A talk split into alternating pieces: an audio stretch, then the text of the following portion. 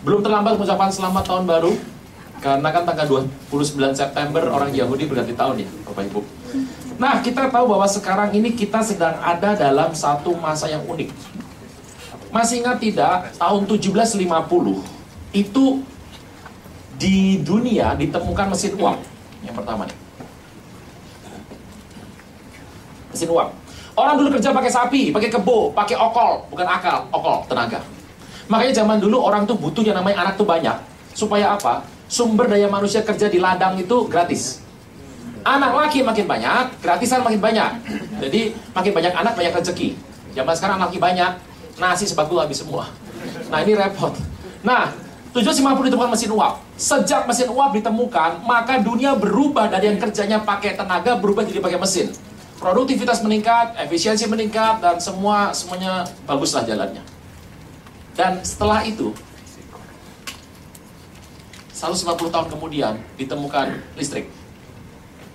Teman-teman kan tahu bahwa 4 Agustus Jawa Barat mati lampu semua. Hari Minggu itu. Dan paling kasihan tuh ikan koi. Mati semua kan. Kecuali ada mau ngaduk-ngaduk itu kolam gitu. Itu hari itu kita dari revolusi industri keempat kembali ke industri nomor 2. Anda tahu rasanya nggak punya listrik, tidur tanpa AC, itu namanya tribulasi. Rasul tuh dipenggal, ditusuk, dibunuh. Kalau kita gampang, begitu baterainya lobet, nggak ada listrik, tribulasi. Nah itulah tribulasi yang besar hari-hari ini. Hari itu Karawaci nyala baru hari Selasa. Tahu rasanya seperti apa? Itu gara lima pohon sengon di Ungaran. Eh, nggak tahu itu penyebabnya apa, pokoknya lima. Sampai marah presiden. Nah, revolusi industri ketiga, ditemukan komputer. Dari Anda biasa gunakan komputer yang besar serumah, lama-lama kecil, kecil, kecil, terus sampai ditenteng, laptop, lama-lama sebesar smartphone. Saya pertama kali ketemu mesin fax, mencoba pertama kali di Jakarta, mencoba. Teman ayah saya memasukkan tulisan ke kota Semarang, ngefax. Dan dia angkat telepon dan tanya, bacakan apa yang saya tulis. Di kota Semarang, bisa baca. Saya kaget betul, kertas masuk Jakarta, keluar di Semarang beda. Wah, temuan luar biasa. 85 tahun 85 kaget sekali. Keajaiban dunia mesin fax. Saya tiga tahun sekarang. Udah tiga tahun nih masukkan mesin fax saya ke OL jual barang bekas. Gak laku-laku. Gak ada yang mau beli. Dulu wah keajaiban dunia. Anda tahu keajaiban dunia yang terbesar temuan terbesar abad 20 bukan 21 20 tombol anda bayangkan kalau hari ini semua tombol di dunia hilang. Ayo, apa rasanya coba? Anda hari ini sudah pencet berapa tombol? Ini saya, ini khotbah sudah lima kali. Tombol nggak ada, mau pakai apa nyamanya? Tombol ini penting sekali. Revolusi industri keempat sudah dimulai. Anak muda, zaman saya dulu, zaman om, eh keren. saya nggak mau dipanggil om di sini koko. Abang kalau bro brur bray susah. Dulu sih bilang gini kalau zaman saya dulu tanya kalau mertua tanya e, sekolahnya apa? ITB UI kalau mertuanya langsung nyembah-nyembah tuh. Apalagi e, gelarnya apa? S2 Magister. Calon mertua ngantri proposal semuanya. Karena hari itu sekolahnya hebat gelarnya panjang, laris manis. Saya beritahu zaman sekarang nggak berguna lagi. Kamu bisa apa? Uh, ceplok telur. Zaman sekarang dibutuhkan kekasan spesifikasi. Dan if Anda punya kemampuan yang biasa-biasa saja tidak ada spesifikasi, saya beritahu. Model kayak kita ini, cuma Tuhan Yesus yang mau terima. Setan aja males sama kita kan gitu ya. ya, ya. ya. Yuk kita lihat sebenarnya bagaimana kita menghadapi dunia ini. 1 Korintus 2 ayat 7. Pertama Korintus 2 ayat 7 ya nggak usah dicari akan muncul segera di layar karena saya tahu ada buka handphone pasti ngecek WA. Gak usah laga-laga. Dua tiga. Yang bagaimana? Hikmat Allah punya ciri pertama tersembunyi. It means bahwa kalau itu tersembunyi berarti tidak gampang kelihatan. Saudara Tuhan, ikut Tuhan itu perlu waktu, perlu tenaga, perlu daya, perlu dana, dan perlu doa. Makanya saya masih nggak ngerti kenapa ada orang ikut Tuhan masih punya waktu untuk kepoin mantan. Loh iya, ada waktu untuk masih hal-hal nggak penting-penting begitu loh. Buat saya tujuh hari seminggu kurang loh, harusnya eight days a week. Dan Beatles mungkin bisa bener juga. Nih, tersembunyi. Apa masalah tersembunyi? Saudara saya Tuhan, Anda terima berangkas berisi uang 15 miliar, belum kaya. Karena kalau Anda terima berangkas dengan uang tanpa password, Anda nggak dapat apa-apa. Alkitab berkata, tersembunyi, artinya apa? Enggak semua orang dapat. Dan Tuhan tuh suka sekali menyembunyikan keajaiban dengan kemasan yang biasa-biasa saja. Anda harus ngerti Bethlehem. Bethlehem dikenal sebagai kota daging atau rumah roti. Anda bisa bayangkan, Bethlehem kota yang suku yang uh, bukan suku, sangat daerah kota yang sangat kecil di mana yang jumlah domba sama kambing lebih banyak daripada orang, seperti New Zealand gitu. Karena saking banyaknya kambing orangnya kurang dan orangnya kurang dari seribu, ingat. Konfederasi orang suku-suku dia orang Israel itu hanya punya perwakilan kalau jumlahnya seribu. So, Bethlehem Yehuda tidak punya perwakilan di konfederasi Israel because karena dia kurang dari seribu. Kota sangat kecil menurut saya 200 juga nggak ada itu. Dan masalahnya Tuhan Yesus memilih lahir di situ. Bukan di Siloam, tapi di sebuah rumah kecil. Penginapan di bawah sebuah kandang lantai paling bawah, basement, tempat parkir kendaraan. Ingat, zaman itu kendaraannya adalah kijang kuda Peter. Kambing, domba masuk, kuda masuk situ. Dan ada sebuah mangger. Dan dia di sana. Pertanyaan mudah saja, kenapa peristiwa yang dahsyat penebusan umat manusia sepanjang zaman harus dimulai dari tempat yang sangat tidak masuk akal? Tapi itulah Tuhan. Dia suka menyembunyikan perkara-perkara besar dalam kemasan yang biasa-biasa saja. So kalau ada terpikat yang namanya uh, indah-indah, glowing segala macam, Anda sudah salah langkah yang pertama. Nomor satu, rahasia. Tersebut rahasia. Apa arti rahasia? Hanya diberikan tertentu dengan password. Yang sebelum dunia di Eh kalau sekarang Anda terima, saya nggak terima, ah, saya bisa protes Tuhan, kenapa engkau sayang sama dia, nggak sayang sama saya? Hello, Tuhan itu bikin ini sebelum dunia jadikan. Arti apa? Sayang Tuhan general semuanya.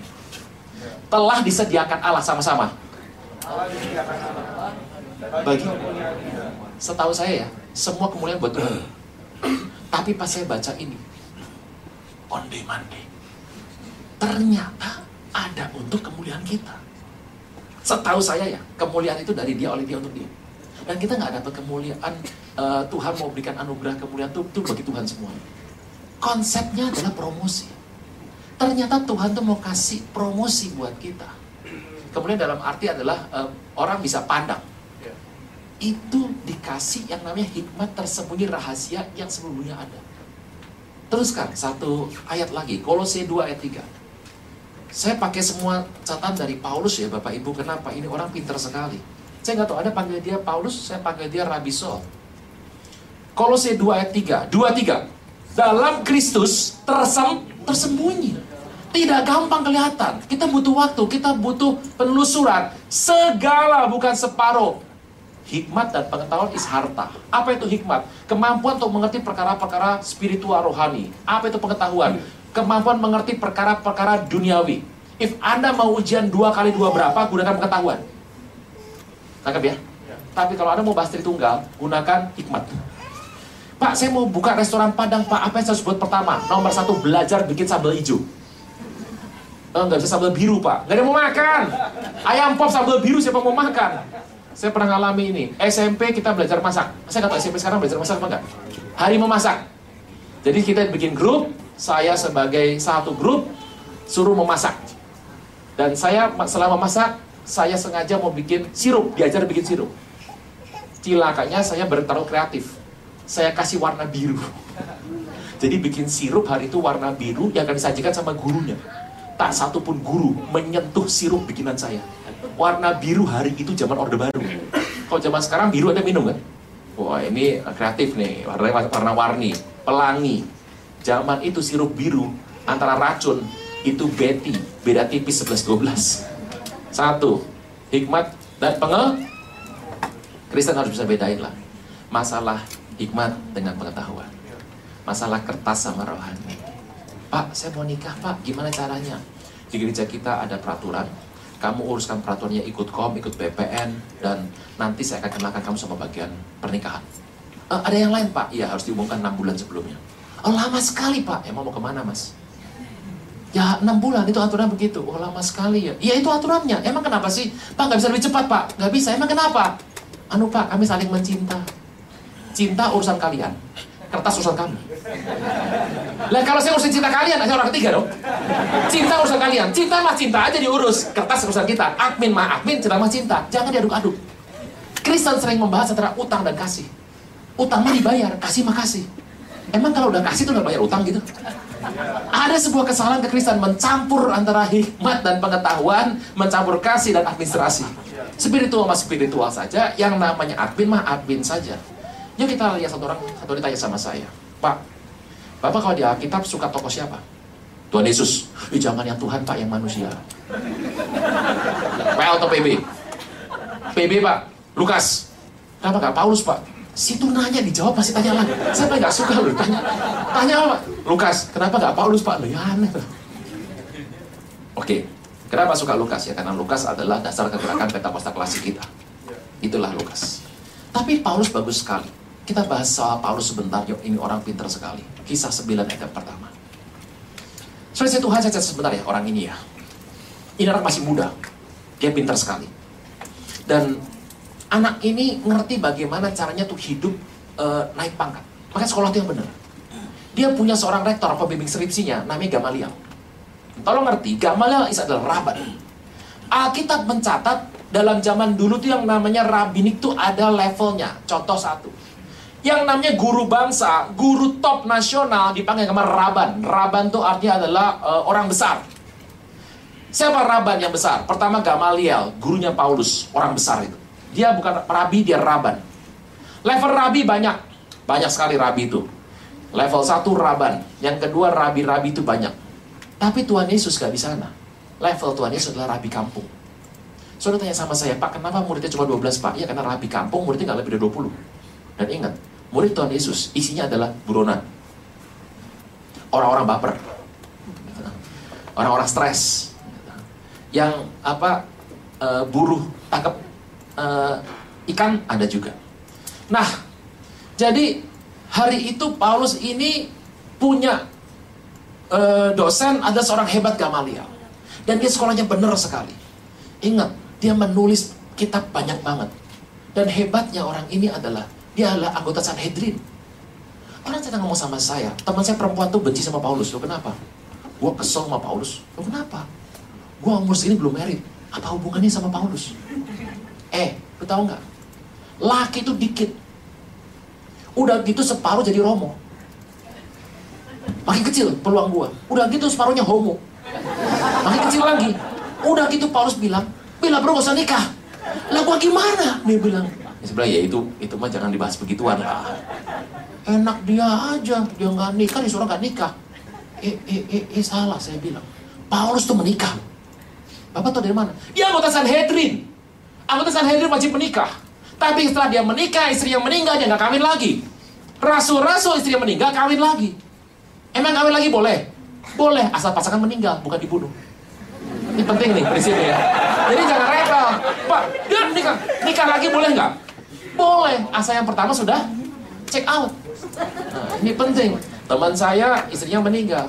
Tiga bulan punya pacar, ributlah semua komunitas. Saya bilang, nggak apa-apa. Oh, udah meninggal istrinya kok. Kan kita tahu dia juga istrinya sakit atau meninggal. Udah, nggak apa-apa. Dia mau nikah lagi silahkan. Yang nggak boleh itu ada masih ada nikah lagi. Sepi, sepi. Kayak gak setuju begitu. Ini gereja Pentakosta klasik dong. So, dia punya istri, tapi meninggal nggak nikah lagi. Makanya dia bilang, emang cuma rasul-rasul yang bisa bawa istri. Aku juga punya hak, tapi nggak lakukan. Tadi orang ini hebat sekali. Di masa mudanya dia pinter, dia anggota dari tim ternama. Dan masalah utama adalah ini anak tahu caranya naik pangkat dengan cepat. Jawab saya, kalau Anda ada di geng kriminal, bagaimana cara naik pangkat paling cepat? Anda harus membuat kejahatan yang sangat jahat nanti pangkat naik cepat, benar ya? Saulus tahu bagaimana cara naik pangkat dengan cepat. Apa yang dia buat? Nomor satu, ayat pertama, berkobarlah hatinya untuk membunuh murid-murid Tuhan yang ada di. Oh, ya, Anda sekarang boleh ketawa-ketawa, zaman dulu kan susah. Ini anak waktu Stefanus dibunuh, ini anak saksi loh. Saya mau tanya, Anda kalau nikah cari saksi, orang yang bonafit atau orang yang gak beres? nikah di mana-mana cari saksi. saksi perjanjian teken, bikin investasi, saksi di pengadilan, semuanya orang munafik. Karena saksi menentukan akan sah apa tidaknya sebuah kejadian. Dan Saul itu menjadi saksi pembunuhan Stefanus. Dia perlu tahu ini ngerajamnya benar apa tidak. Waduh, sampai mati. Diraja meninggal, tinggal hidup lagi. Oh, nggak bisa. Dia periksa dengan jelas. Dia saksi dalam meninggalnya Stefanus. Dan dia tahu cara naik pangkat dengan cepat. Dia basmi Kristen. Kalau Kristen dibasmi sama dia, nama dia akan viral di mana-mana dan pangkatnya naik cepat. Ayat berikutnya, dia hadap imam besar, dia minta surat. Next. Suratnya untuk pergi ke Damsyik. Kenapa? Kristen begitu mendengar Saulus naik pangkat dan jadi kapten. Waduh, mereka diaspora. Mereka lari ke Damsyik. Damsyik itu mana sih? Damsyik adalah Suriah. Suriah ibu kotanya Damaskus, Damasa, Damsyik. Dia lari ke sana dikejar sama Saul. Jika dia menemukan laki-laki perempuan yang ada di RCC, dia tangkap dan bawa lagi ke Puri Indah. Kalau orang mungkin diem, kalau berkat, ya oke. Okay. Next. Next. Dalam jalan ke Damsyik, ketika ia melihat sudah dekat di kota, Anda sudah tahu ceritanya lah. Tiba-tiba ada cahaya holo mengelilingi dia, dan terus ayat keempat, dia jatuh ke bawah, next. Dan ada suara berkata, kita kunci saja ayat ini, kita akan cari ayat yang lebih lengkap. Kisah 26 ayat 14.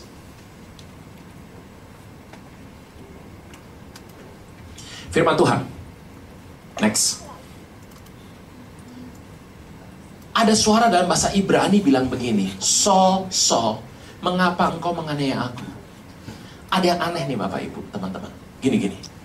Anda pernah ngerti nggak? Pernah dengar nggak? Pernah ngalami nggak? Anda punya masalah doa nggak dijawab? Wah salah tanya nih. Anda pernah ngalami atau pernah dengar nggak? Ada orang punya masalah, musibah, doa nggak dijawab? Oke, saya mau beritahu. Menurut saya pribadi, ada dua alasan. Yang pertama, Tuhan sengaja tunda supaya kau belajar punya iman. Yang kedua, engkau sama Tuhan gak terhubung. Yang digebuk Kristen, yang teriak Tuhan. Yang dihajar Kristen, yang protes Tuhan. Itu bicara berarti Tuhan sama orang Kristen terhubung. Contoh, nggak ada di sini. Kuku Anda terhubung Anda, itu adalah di pangkal. Tapi ujung kuku nggak terhubung sama Anda. Makanya potong kuku nggak pernah nangis kan? Ceklek, ceklek, pernah. Rambut terhubung sama Anda di pangkal, di ujung gak terhubung. Maya potong rambut gak pernah nangis, kecuali apa? Salah potong. Cekrek botak, nah udah, gitu, udah. Satu bulan nangis. Dari mana saya tahu itu kuping Anda atau kuping teman? Saya random saja. Saya batak kuping Anda. Kalau yang teriak teman Anda, itu kuping teman Anda. Gampang. Untuk bikin Tuhan teriak, gampang. Tubuhnya disakiti kan? Anda bisa bayangkan. Yang dihajar Kristen, yang teriak Tuhan. Berarti Tuhan sama tubuhnya terhubung. Lah kalau sampai Kristen disakiti, Tuhan gak teriak, jangan-jangan tubuh sama kepala terpisah. Super sekali kan? Nah, itu catat. Banyak apa tadi? Kepala lepas. Terus, sukar bagimu menang galah rangsang. Apa ya galah rangsang? Bapak Ibu tahu prik ya? Prik adalah bambu, tongkat, atau besi yang ada ujungnya duri. Apa fungsi prik? Untuk menghalangi binatang tuh masuk. Karena binatang punya kebiasaan. Kalau dia sudah gagal masuk empat kali, dia akan ulang. Anda pernah lihat gajah yang diikat dengan rantai? Ayolah, kita semuanya mengerti. Gajah sama rantai lebih kuat gajah. But kenapa gajah di rantai gak pernah bisa lepas? Karena gajah waktu kecil berusaha lepas empat kali, dia gagal. Dan dia berpikir dia akan gagal selama-lamanya. Banyak Kristen seperti itu. Dia coba empat kali gagal, dia bilang mustahil pak, ya itu gajah tuh. Nah, hubungi tulus. Kalau anda nggak tahu udah nggak apa-apa satu kata cukup udah, udah. kita jalan terus nggak usah dibahas. Saudara Tuhan, anda bisa mengerti bahwa anda pernah nangkap tikus dengan kerangkeng. Oke, anda dapat pirok satu tikus. Oke, ada kesel sama dia, anda gocok sampai keluar darah. Saya beritahu, kalau anda nggak cuci kerangkeng itu tiga kali, itu kerangkeng tidak bakal bisa dapat tikus seumur hidup, kecuali tikus oon. Sama. Garasan itu apa sih? Itu dikasih bambu, atau kayu, atau besi yang ada jarumnya. Begitu langsung, aduh kena, aduh kena. Pernah ngalami hidup seperti itu? Ke sana ada masalah, ke sini ada masalah, ke sana kena nggak enak. Itu artian Tuhan mau ketemu sama Anda. Mentok semua kiri kanan. Ada orang sudah mentok, ditabrak terus. Udah hati gak enak, tabrak terus. Nancep bro. Ini. Anda pikir waktu Saulus itu buta. Terus dia mau santai aja. Ingat, Saulus tuh garang bukan main. Dia galak. Bayang Kristen semua jiper dengar nama dia. Anda tahu? Rasul-rasul yang awal waktu mendengar ini orang bertobat, gak percaya sama dia. Ini penyusup kali. Itu so waktu dia sudah buta, dia mendengar ada suara, dia cabut pedangnya, dia bilang, kalau berani maju, dia sabet pedangnya seperti Jasun Tolyong tuh. Terusin Marvel, udah. Anda nggak paham yang namanya apa sejarah dunia. dia potong semua, maju kalau berani. Aku tuh bilang, udahlah so, so, so, so. Nggak, nggak gampang, ntar gala rangsang, nggak sakit bro. Sampai dia lemes. Kita kembali ke kisah 9 ayat yang ke-6. Tuhan maunya apa? Sekarang kamu pergi dalam kota. Next, ayat 7. Dan karena dia buta, dia dituntut orang masuk. Ayat ke-8. Anda pernah baca ini ya, Bapak Ibu, teman-teman? Halo? Itu poros teman Bapak ya? Bukan. Waktu saya lahir sudah gak ada. Dia bangun berdiri buka mata, dia nggak bisa.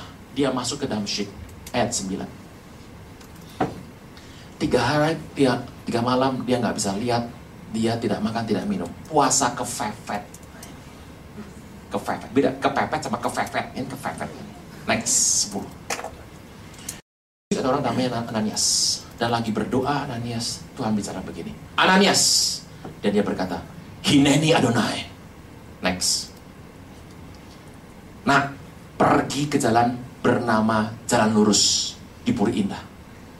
Cari di rumah Yudas, orang dari Tarsus bernama Saul, sekarang lagi berdoa. Next. Dalam penglihatan dia melihat Ananias masuk, tumpang tangan dan bisa melihat lagi. Next, ayat 13. Nah, ini saya berikan tips bagaimana caranya menghadapi Tuhan. Jangan kayak Musa. Moshe, asyap juragan. Kalau nggak tahu ada terlalu tua bapak ibu. You pergi ke orang Israel, bebaskan mereka. Um, nanti kalau mereka nggak percaya gimana? Ya bilang aku yang suruh. Nah, kalau aku ditanya kamu siapa namanya? Ya bilang aku adalah aku. Hmm, tapi Tuhan kalau nggak percaya gimana? Moshe, lempar tuh tongkat jadi ular, tangkap lagi. Mujizat itu. Oh, oke okay sih. Kalau nggak percaya gimana?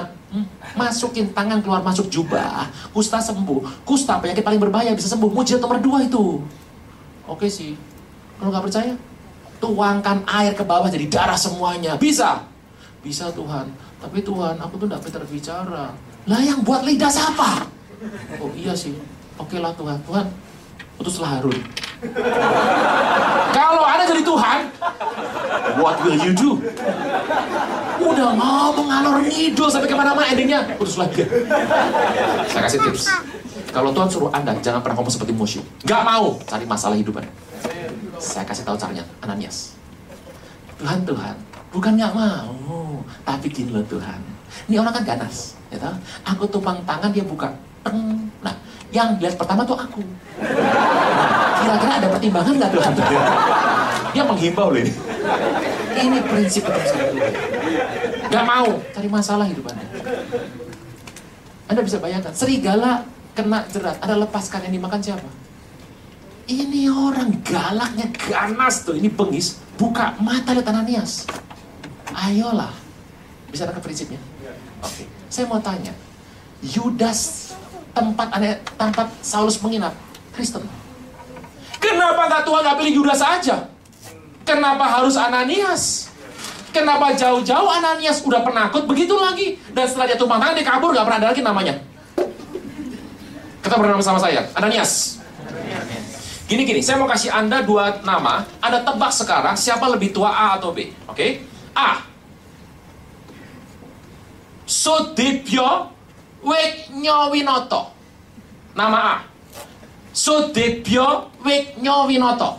Nama kedua. Alexander George Pranata. Siapa lebih tua? Tahu dari mana? Hebat banget. Weh, Anda hebat dengan nama toh, tahu usia lu. Saya ulang, saya ulang, saya ulang. Nama A, Sudipyo Wiknyo Wiyoto. Nama B, Jonathan Alexander Pranata. Siapa lebih tua? Tahu dari mana? Ternyata Anda tahu, nama tuh ada edisinya.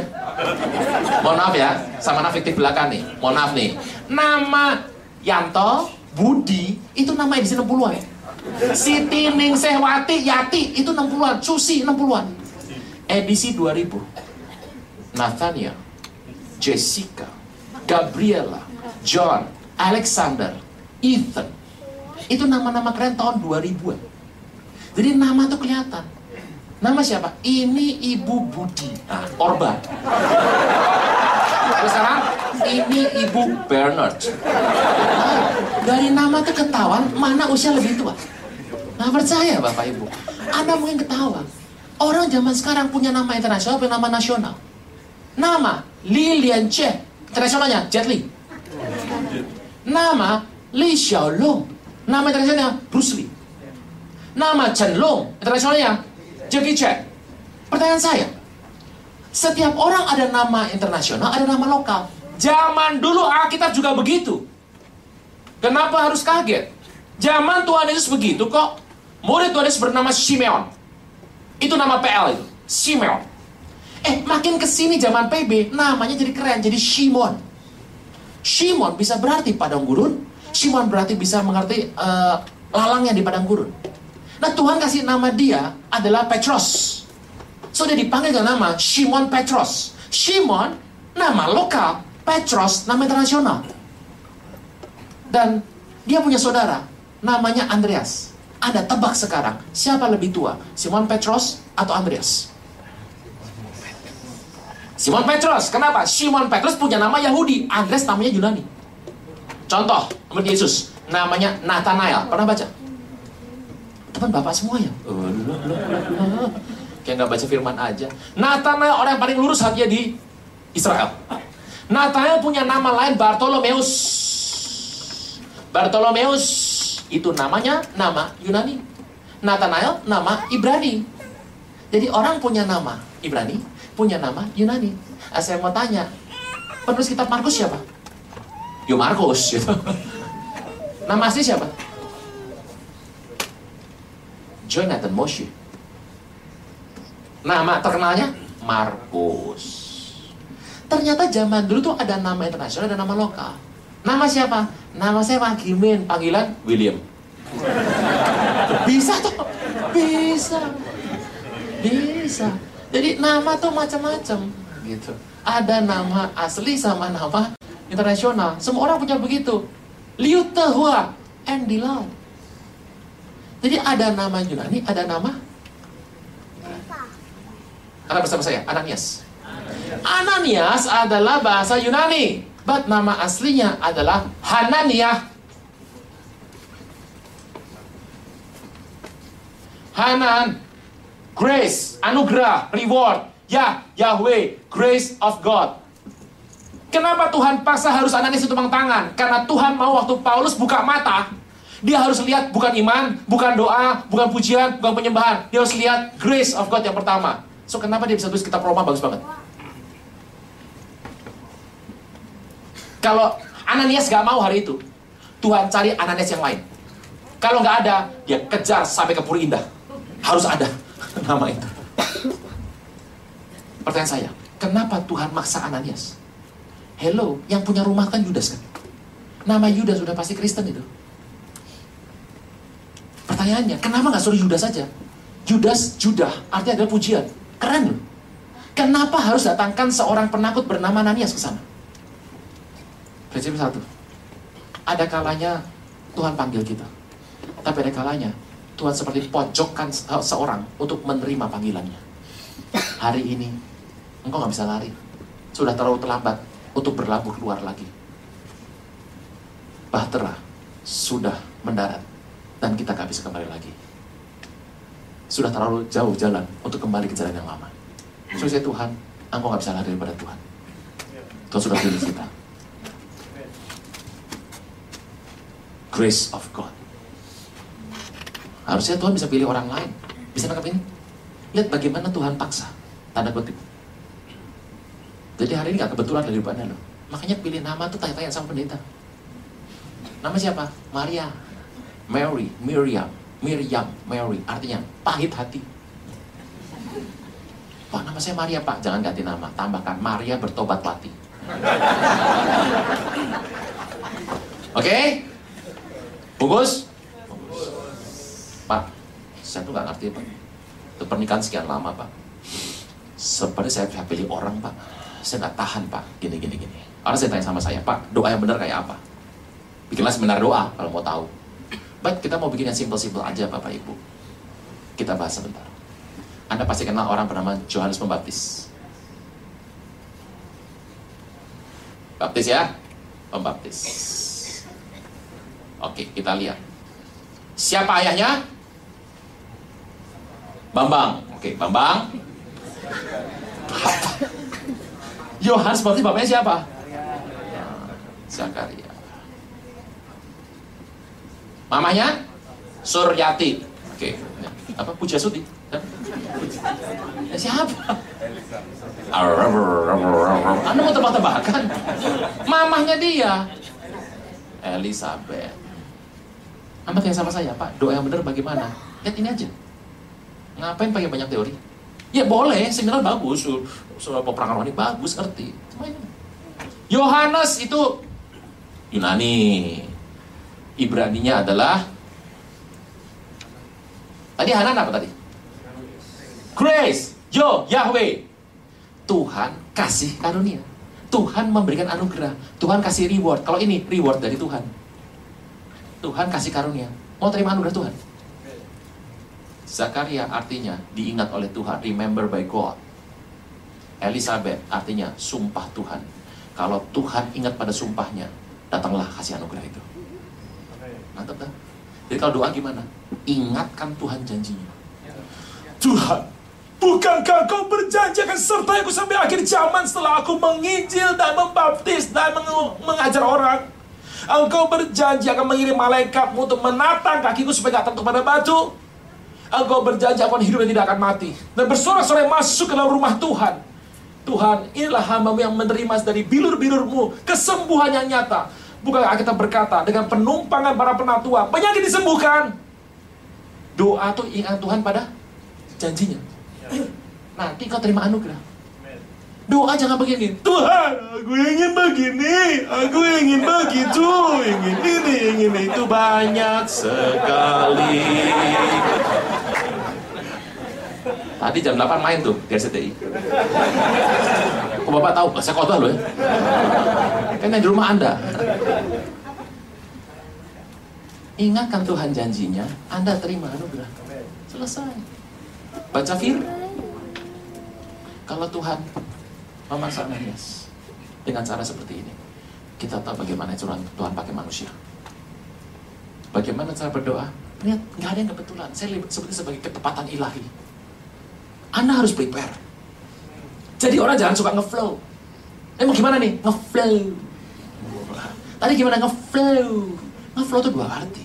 Pertama, ngalir bersama dengan Tuhan. Kedua, hanyut. Jadi, Anda perlu preparation. Harus. Kristen harus preparation. Tapi ada bagian tertentu yang engkau harus lepaskan supaya Tuhan berkah dalam kehidupanmu. Kalau detail semua, Anda bikin semua, Anda nggak mau salah dengan semua rencana apa pun. Dan ini akan sulit bagi orang-orang yang berwarna ungu sebetulnya. Masih ngomong ungu ada ngerti ya? di kolik yang sempurna, yang semuanya mau detail seperti Moshe, repotnya adalah Anda akan sulit untuk melihat campur tangan ilahi. Abraham, serahkan anakmu yang tunggal, Ishak kepadaku. Abraham berkata, Asyak juragan. Ya bawa itu anak sudah gede itu. Oh, 35 tahun itu usianya. Gede, udah kumis, jenggot, six pack ngejim. Ini anak ngerti, papa mau dipakai dia harus korban. Banyak anak nggak ngerti papahnya dipakai Tuhan. Papa dipakai Tuhan dia nggak mendukung. Banyak ayah nggak mau ngerti anaknya dipakai Tuhan. Banyak istri nggak mau ngerti suami dipakai Tuhan. Banyak suami nggak mau ngerti istri dipakai Tuhan. Tapi Ishak anak luar biasa. Kalau emang itu bikin Tuhan senang dan papi dipakai Tuhan, bunuh aku. Abraham berkata, anakku hancur hatiku. Dia ambil bilah pisau dan berkata, dalam nama Yesus. Belum ada aja itu kan. Ada tapi belum ada sebutannya. Malaikat datang. Stop Abraham. Aku tahu hatimu. Engkau sayang sama aku lebih daripada anakmu. sekarang lepaskan. Ada kambing di sana. Adam berkata, tadi suruh bunuh, sekarang batal. Ini pasti bukan Tuhan. Dalam nama Yesus, pergi kau setan. Kalau sampai terjadi, saya mau tanya. Terus pengorbanan Tuhan Yesus yang simbolik dari pengorbanan Aisyah. Bagaimana ceritanya coba? Pokoknya sekali ayah. Tuhan bilang, ya. Ada orang nggak mau ngerti Tuhan bekerja. Ada yang terlalu pengen mencampuri Tuhan sampai detail. Harus mengurangi yang namanya sentuhan kepo. Ini kepo tahu ya? Knowing every potential object. Itu kepanjangan dari kepo. Knowing every potential object. Kok oh itu buatan saya itu. Ke bahasa Hokiannya ayam. Po itu nenek tua. Kepo ayam tua. Itu aslinya. Cipo dalam bahasa Mandarinnya. Jadi yang suka ngurusin orang namanya apa? Nenek tua. Oh. Teruskan. Sampai sini bisa? bisa? Kalau Tuhan bisa pakai Ananias untuk sebuah cara tertentu demi Paulus. Dan muncul cuma satu kali, tumpang tangan selesai. Demi untuk sebuah cerita ikut campur. Saya percaya dalam hidup ini, Tuhan punya ketepatan alamiah. Kalau Tuhan bisa pakai Ananias, dia bisa pakai kita. Kalau Tuhan bisa pakai Zakaria sama Elizabeth, kalau Tuhan gak setuju Elizabeth nikah sama Zakaria, Tuhan temukan Elizabeth sama Bambang. Anggap ya. Kalau Tuhan gak setuju dia nikah sama Elizabeth, dinikahkan sama Puja Suti. Kalau Tuhan gak setuju punya anak Yohanes, anaknya, namanya nanti adalah Joko. Kenapa bisa nama ini keluar semuanya? Ah, kita tidak pernah salah memilih orang. Dan saya berdoa, engkau dan saya ngerti garis yang Tuhan tentukan dalam kehidupan kita.